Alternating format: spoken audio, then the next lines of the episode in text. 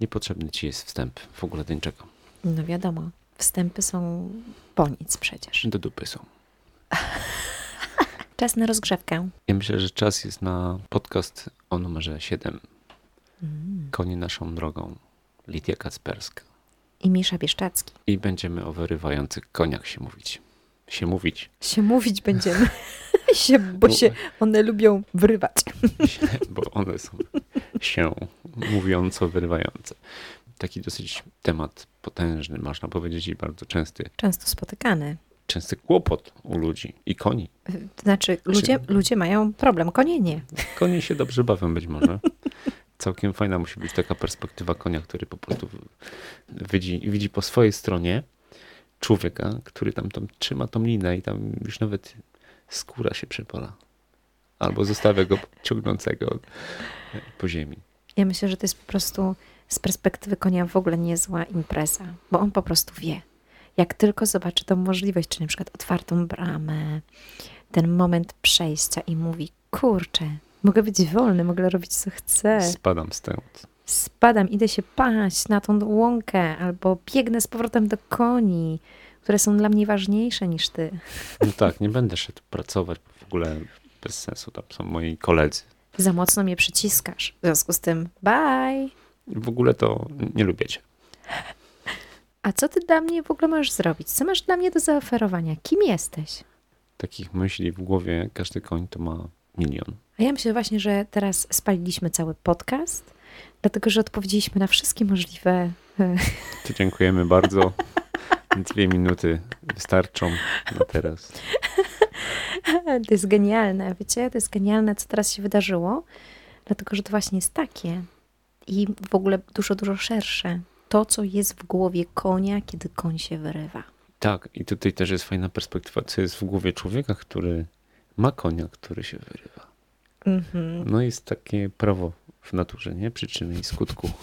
No jest. Prawdę powiedziawszy, jak e, zgłaszają się do nas klienci i mówią, że mają właśnie problem z wyrywającym się koniem, Telitka robi ha, ha, ha, ha. Nie, ja się po prostu żegnam.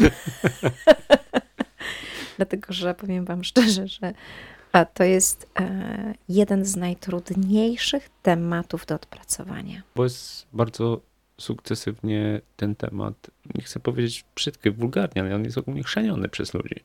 Bo jeśli już pojawia się problem z wyrywaniem, to bardzo często on jest przemnożony, y, powielony i utrwalony, prawda?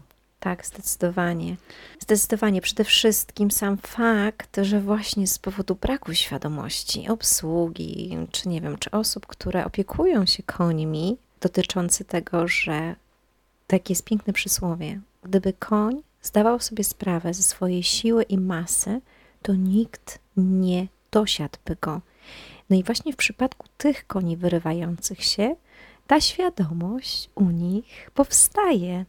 Tak więc one na pewnym etapie swojego życia doświadczają i uczą się tego, że mogą to robić.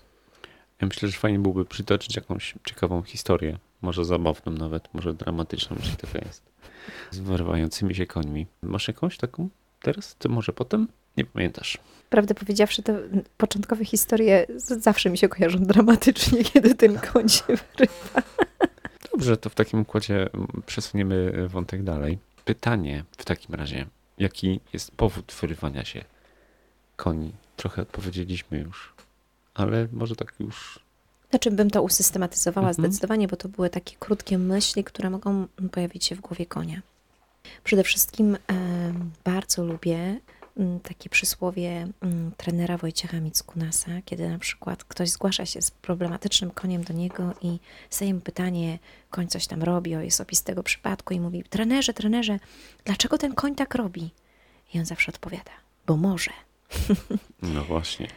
No właśnie. Czemu mogą konie się wyrywać? No właśnie, dlatego że zdobywają taką wiedzę. I teraz, co może być powodem? Powodów może być kilka, dla których konie to robią. Jeden z takich powodów to jest kwestia motywacji, czyli co jest dla niego większą motywacją. Czy na przykład to, że pójdzie z człowiekiem na trening, czy na przykład to, że wróci do swojego ukochanego stada. Co go bardziej woła, co jest dla niego, co mu się kojarzy z lepiej spędzonym czasem, przyjemniej spędzonym czasem, czy też spokojem. Tak więc, jeśli koniowi uda się to zrobić raz, nie daj Boże drugi raz, a już nie daj Boże trzeci raz, no to wówczas mamy naprawdę bardzo poważny problem. Kolejną rzeczą może być to, że koń na przykład odczuwa dyskomfort, ból albo jakiś rodzaj cierpienia związany z pracą z człowiekiem. I również na początku próbuje na różne sposoby pokazać to poprzez, nie wiem, swoją mimikę, mikrosygnały, czy też inne zachowania, które są bezskuteczne w odbiorze człowieka. W związku z tym sięga do troszeczkę mm, bardziej radykalnych sposobów, takich właśnie jak wyrywanie się. Kolejna rzecz może być związana również z relacjami, jakie mamy zbudowane z koniem. A co w relacjach się dzieje takiego, że zakłócamy ten proces i pojawia się wyrywanie? Mm, bardzo często jest to związane na przykład z tym, że nie dostrzegamy, jak koń w różnych okolicznościach i sytuacjach okazuje nam brak szacunku, na przykład dla naszej przestrzeni osobistej. Na przykład prowadzimy go, a on na nas napiera, wchodzi na nas, zachodzi nam drogę, wyprzedza nas, albo na przykład nie chce i zatrzymuje się. To są wszystkie mm, sytuacje, które czy opisuje zdarzenia, które już mówią o tym, że coś tu nie działa w relacji w komunikacji. Ale to jest bardzo częsty problem i to nawet nie dotyczy koni wyrywających się, tylko w ogóle koni i ich właścicieli. Częstym zachowaniem, jakich widzimy wśród koni, które przyjeżdżają e, czy na obóz do Litkowa, czy przyjeżdżają, to, e, przyjeżdżają w trening, to jest brak umiejętnego funkcjonowania z tym koniem i wytyczania powiedzmy przestrzeni swoja, przestrzeń, przestrzeń konia. Tak. Najczęściej to się odbywa na zasadzie takiej, że po prostu ten koń wchodzi na człowieka i człowiek niespecjalnie ma pomysł, jak to zrobić, żeby to było fair w stosunku do zwierzaka i fair w stosunku do samych własnych, y, do wewnętrznych odczuć swoich, prawda? Ale często to w ogóle nie dotyczy nawet tego pomysłu, tylko tego, że bagatelizuje się ten problem i uważa się, że koni tak mają. Że to jest normalne, że koń trochę idzie szybciej, że koń odskakuje, że koń w ten sposób czasami robi. Powiem więcej, Niejednokrotnie słyszymy takie zdanie, ale on tak ma, on się tak ociąga, bo to jest leniwy koń. Czyli przypięte zostają jakieś łatki zachowań tego konia. Zobacz, yy, Misza, ostatnio mieliśmy taką sytuację na konsultacjach, pamiętasz? Wracałeś z koniem do, z hali do stajni, pomagając właścicielce właśnie sprowadzić tego konia, ponieważ stajenni uważają, że ten koń totalnie nie chciał się poruszać do przodu, tylko cały czas się zatrzymywał. Ale tutaj też jest taki mechanizm, gdzie koń wybiera sobie odpowiednią osobę, z którą traktuje daną sytuację. I treningowo na przykład koń może wykonać pewną rzecz, nazwijmy to z szacunkiem, już z drugą osobą, która popełni jeden błąd i ten błąd zostanie, że tak powiem, przez tego konia wyciągnięty, już pozwoli sobie na więcej. Tak, dlatego że konie nas cały czas i naokoło testują. I teraz, jeśli my przegapimy jakiś taki moment, w którym możemy tutaj wyraźnie koniowi zaznaczyć: halo, halo, przesadzasz koniu, za mocno na mnie napierasz, czy też właśnie wchodzisz tutaj na mnie, czy w moją przestrzeń, w której ja ciebie nie chcę. Jeśli my tego nie zaznaczymy koniowi, nie powiemy, że to jest nie w porządku, no to on wyciąga od razu jasne wnioski. A, okej, okay, czyli ja to mogę robić. Mogę robić to, to znaczy, że może mogę za chwilę zrobić coś więcej. Na przykład, to ja cię pociągnę do tej trawy. Mm, nie reagujesz. Wiesz co, to ja już wracam do stada. Pa! To są czasami takie chwile. Wiecie, taka, ten problem może powstać w taki dosyć niewinny sposób, czyli taki, że my nie zauważamy jakichś tam szeregów reakcji, czy też, zachowań konia, które właśnie wywołują później taki problem. I to potem parę cegiełek i mamy twór wyrywający się. Tak, i to jest ogromny problem, dlatego że jeżeli koń już potrafi to robić, to ojejku, mieliśmy parę takich przypadków, że tak naprawdę wyobrażyliśmy sobie najbardziej skuteczne kotwice, żeby tak zakotwiczyć w ziemi, żeby on zobaczył, że on tego robić nie znaczy, może. nie zawsze się to da zrobić. Czasami się udaje i na dobrym podłożu i w dobrej gotowości da się takiego konia I w trzy albo cztery osoby. Jeśli to nie jest jakiś mocny, zimnokrwisty koń. E, natomiast na ogół to są próby spalone i też trzeba rozważyć w ogóle e, tutaj taki odruch ludzki jest bardzo fajny, hmm. że koń już jest na tej pozycji do strony zewnętrznej, a my wciąż trzymamy linę Mhm. po czym następuje przypalenie rękawiczek dłoni e, przez starcie tej liny. Mhm. I to jest kompletnie bez sensu. Kompletnie bez sensu. Tak naprawdę to mm, taka praca z, tym, z takim koniem wymaga zupełnie odwróconej psychologii, innego podejścia. To w takim układzie, jak pracować z takim koniem. Tak naprawdę to trzeba zacząć wszystko od początku. Czyli ca całkowicie przekonstruować relacje z koniem.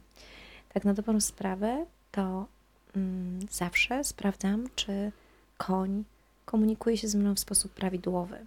I teraz tak, co to oznacza? To oznacza, że na chwilę zawieszam całkowicie pracę z siodła, tylko przechodzę do pracy z ziemi.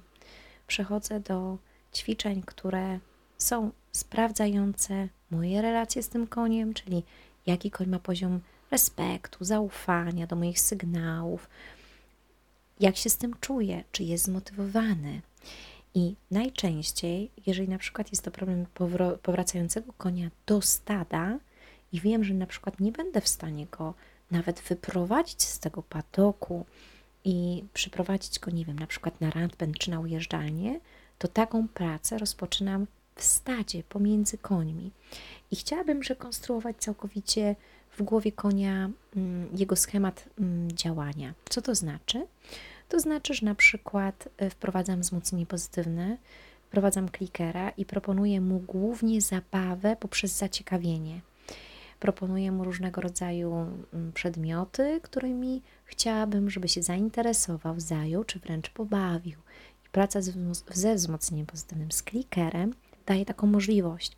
Czyli przede wszystkim staram się go zmotywować, tego konia, do tego, żeby chciał ze mną być.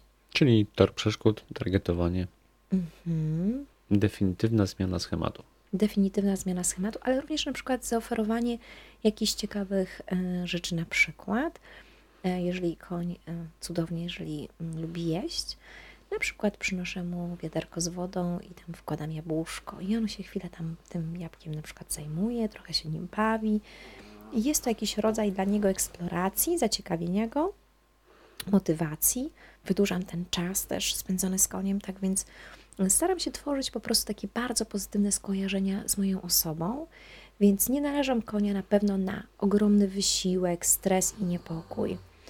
Natomiast jeśli chciałabym tego konia jednak wyprowadzić i czuję, że to już zaczyna być ten moment dobry do tego, żeby z tego pastwiska przejść na przykład na ujeżdżalnię, to na pewno nie zrobiłabym tego w taki sposób, żeby znowu narazić się na sytuację, że koniowi na przykład przyjdzie jednak ten pomysł wyrwania się.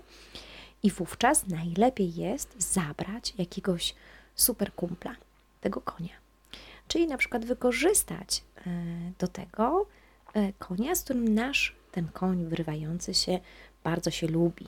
Bo zauważyliśmy, że taka praca czasami w parach, czy nawet jeszcze można z dwoma końmi, jest bardzo wspierającą pracą dla tego konia i przede wszystkim zmienia motywację tego konia. W związku z tym można potem pójść sobie na przykład właśnie na ujeżdżalnię z tym kumplem.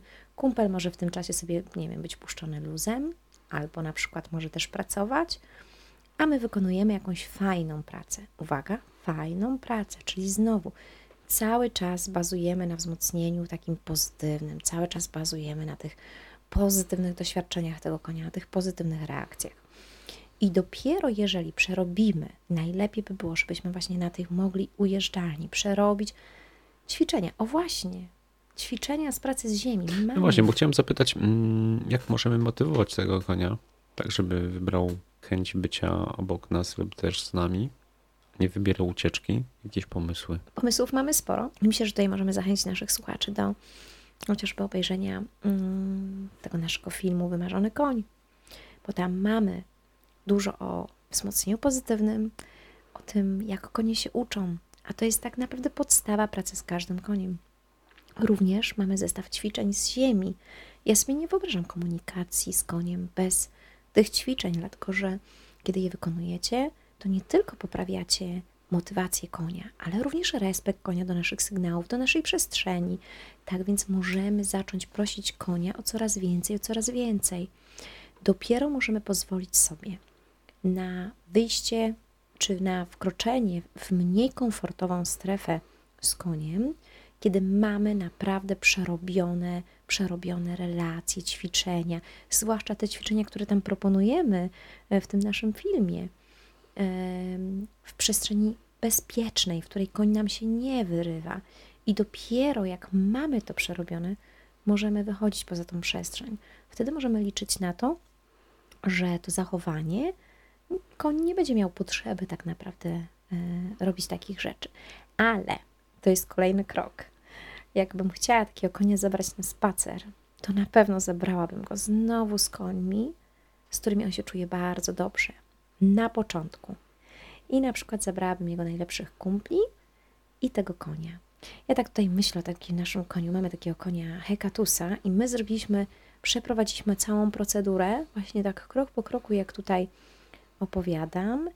I naprawdę wygląda to niesamowicie, łącznie z tym, że doszliśmy później do takiego bardzo fajnego, bardzo fajnej motywacji, gdzie człowiek totalnie zmienia pozycję i wyobrażenie w głowie takiego konia. Mianowicie zrobiliśmy tak, że już jak ten koń odbył kilka tych spacerów w, w towarzystwie swoich kumpli i kumpelek, to y, kolejnego razu poszedł na spacer sam, ale niezbyt daleki i w zasadzie po kilkuset metrach za drzewami czekały na niego konie, które on znał. I w oczach takiego konia wtedy my stajemy się bardzo ważni, bo jesteśmy w stanie tego konia w bezpieczny sposób doprowadzić do przestrzeni, w której są, na przykład, jeżeli to jest tak pożądane przez konia i to jest jego silną motywacją, czyli te powroty do stada, gdzie jest jego stado. To jest świetny pomysł na zmotywowanie. Mam nadzieję, że jeśli ktoś spróbuje czegoś takiego, to te kilkaset metrów będzie e, do przejścia. Ćwiczenia, które tutaj Litka zapowiedziała, są właściwie na każdy poziom sztuki jeździeckiej. Mm, są absolutną bazą wszystkiego. Niezależnie od tego, jakie macie aspiracje, czy to są sportowe, czy to, czy będziecie chcieli iść na zawody, czy koń ma być po prostu waszym przyjacielem i takim partnerem wędrówek pieszych, czy też takich z siodła. Nie ma to znaczenia. To jest po prostu absolutna, uważam, podstawa do tego, żeby zbudować naprawdę poprawnie relacje z koniem. Gdyby się jednak zdarzyło tak, że koń się wam wyrywa, to nie powielajcie tego samego schematu, w którym to się wszystko wydarzyło, bo z góry będzie to skazane na porażkę. Nie tylko, po prostu to wręcz będzie utrwalało to zachowanie. Tak, i tutaj taki przykład możemy podać. Idziesz na pastwisko, chcesz zabrać swojego konia, koń ci się wyrywa. Później idziesz i znowu go zabierasz i znowu ci się wyrywa. To już jest proces, który się nie powinien w ogóle odbyć. Mhm. I tu już wchodzi kwestia przekierowania tych wszystkich schematów, które ten koń w tym momencie ma. Jego silna motywacja do tego, żeby się wyrywać po raz kolejny i zostać na tym pastwisku, będzie górowała, podejrzewam, nad wszystkim w, w tym momencie, nie? Tak, czasami nam się wydaje, że jeżeli my odpuścimy koniowi, to przegraliśmy, ale zdecydowanie lepiej jest odpuścić i się zastanowić, przeanalizować całą sytuację, przeanalizować, czemu ten koń w tym momencie, jeżeli to jest, nie wiem, pierwszy raz, drugi raz, koń to zrobił, czemu tak bardzo on chce zwrócić do, y, do stada? Co się tam wydarzyło takiego, że to stado go tak ciągnie, to są, mówię, pierwsze razy. Zupełnie inaczej wygląda sytuacja, jeżeli to jest kolejny kolejny kolejny raz. Wówczas to znaczy, że ten schemat już dawno temu został spalony i totalnie nie działa i po prostu trzeba całkowicie wszystko zmienić. Ja mam takie pytanie, wrócę jeszcze do tych historii dramatycznych lub komediowych z wyrywającymi się końmi. Masz jakąś? Przypomniałeś sobie? Tak, mam. Mam. No w końcu Witkow jest taki jednorodzynek, który taką historię zbudował. Miałem no nadzieję, że sobie ją przypomnisz, a nie chciałem ci narzucać jej. Och, trzeba było podpowiedzieć mi troszkę. Łapacz. Łapacz od łapania Najpierw myślałam, że jest łapaczem snów, ale jednak y, okazało się, że chodzi o zupełnie inny rodzaj łapania, kiedy. A tylko, że łapacz, nie, łapacz jeszcze w tamtej wersji miał na imię kruszec. Nie, ciapak. Ciapak? Aha, A, kruszec okay. to ma w papierze. No ale to taki kruszec, on może wyrywał się, bo chciał kruszyć y, powietrze przed sobą albo ogrodzenia. Ziemię kruszyć. Ziemię to na Ludźmi, których kruszył. wlókł na końcu liny. Łapacz jest dużym zimnokrwistym koniem łaciatym. Jeśli oglądacie nasze relacje, to widzicie go bardzo często. To jest ten ogromny, łaciaty, cudowny, wspaniały koń. A historia jest taka, e, że pojechałam konsultacje do Fundacji Pegasus, gdzie miałam e, zarówno osoby, opiekunów koni, jak i wolontariuszy przeszkolić z zakresu właśnie komunikacji z koniem, behawioru, nawiązywania relacji, jak właściwie podchodzić do koni, co robić, czego nie robić. No i na te szkolenie miało być przyprowadzonych kilka koni, które jakby z powodu swojego zdrowia najbardziej się do tego nadawały. I między innymi zobaczyłam, że idzie, właściwie biegnie, łaciaty koń i ciągnie na linię za sobą wolontariusza. Wow. No to musiało być e, niezwykłe w obrazach. Byłam tam wówczas z e, moją prawą ręką, e, z moją współpracownicą Julitą i ona na mnie spojrzała wręcz błagalnym wzrokiem i powiedziała do mnie tak: Tylko go nie adoptujmy, proszę, tylko go nie adoptujmy. No i jak sobie wyobrażacie. Tym samym łopacz stał się mieszkańcem Litkowa. No ja po prostu nie mogłam absolutnie odpuścić tego cudownego konia. Okazał się on hiperinteligentny, hipermądry i hiperwykorzystujący. On tam w tej fundacji musiał mieć niezły ubaw, jak targał tymi wolontariuszami na lewo i prawo. On w ogóle miał ekstra ubaw, bo on naprawdę robił tam, co chciał i naprawdę doskonale, bardzo szybko się orientował, co mu wolno, czego mu nie wolno, ale tamtych granic nikt mu nie wyznaczał, więc generalnie mógł wszystko i bardzo z tego mocno korzystał. Tak, kto ma ochotę doświadczyć się łapacza, to zapraszamy. O tak. Łapacz ma wielkie serce, nie tylko wielkie ciało, jest absolutnie cudownym, cudownym zwierzęciem. No ma wiele możliwości, to prawda. O ma. Tych łapalskich też sporo w sumie doświadczyliśmy z nim w tej mm, sytuacji. Mm. No i mniej więcej schemat działania i pracy mm, był taki, jak już tutaj wam opowiedzieliśmy. Tak. Tak, chociaż łapacz okazał się też, że ma bardzo dużo cech psotnika i dla niego okazuje się największą motywacją to po prostu świetna zabawa, uczenie sztuczek. On jak zaczyna po prostu wchodzić w kontakt z człowiekiem poprzez zabawę, to wręcz nie potrafi się od tego człowieka. Najlepszą uwolnić. sztuczką łapacza jest przechodzenie przez ogrodzenia z wszystkimi słupami. W stronę człowieka, nie od człowieka. I to jest mm, cudowne. Albo z człowiekiem na grzbiecie. Oj, to się raz zdarzyło ze studentką. 10 lat temu. Żartuję. Więc to takie historyczne wątki. Słuchajcie, powoli będziemy ten temat kończyć, natomiast ostatnio prosiliśmy Was o zadanie pytań. I mam tutaj coś. I mam pytanie, czy koni naprawdę czują uczucia ludzi?